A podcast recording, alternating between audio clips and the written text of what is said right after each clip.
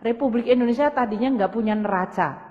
Jadi barang milik negara pun tidak diadministrasikan, tidak direkod. Kita asal bangun waktu Pak Harto 30 tahun bangun banyak sekali, nggak ada pembukuannya. Jadi waktu kemudian terjadi krisis, kemudian kita punya undang-undang keuangan negara dan perbendaraan negara, kita baru mulai membangun neraca keuangan.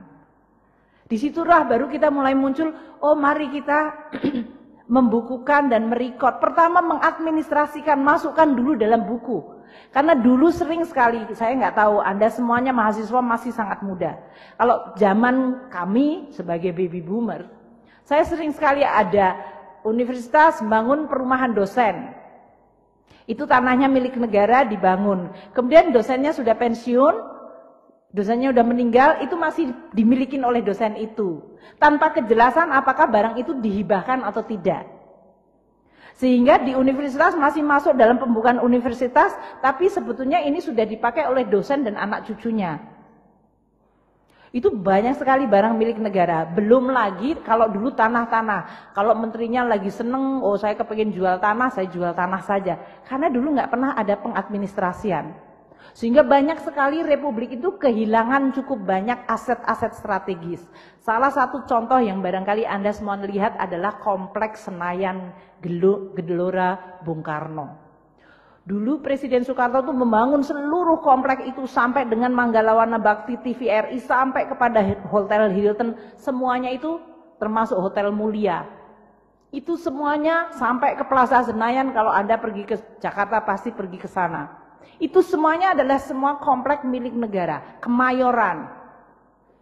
Karena tidak pernah dibukukan, suatu saat terjadi tadi kerjasama, kerjasama, kerjasama, tiba-tiba swasta sudah punya title. Sehingga waktu kami memulai membuat pembukuan, Hotel Hilton itu sudah tidak ada di dalam titlenya. Kita hilang. Yang sekarang jadi Hotel Sultan. Hotel Mulia itu kita harus fight banyak sekali untuk bisa bahwa titlenya tetap punya pemerintah, tapi kerjasamanya boleh swasta.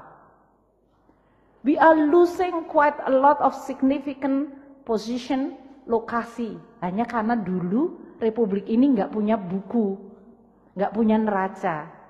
Jadi anda-anda semuanya yang masih baru-baru ini ya, masih muda-muda sekali.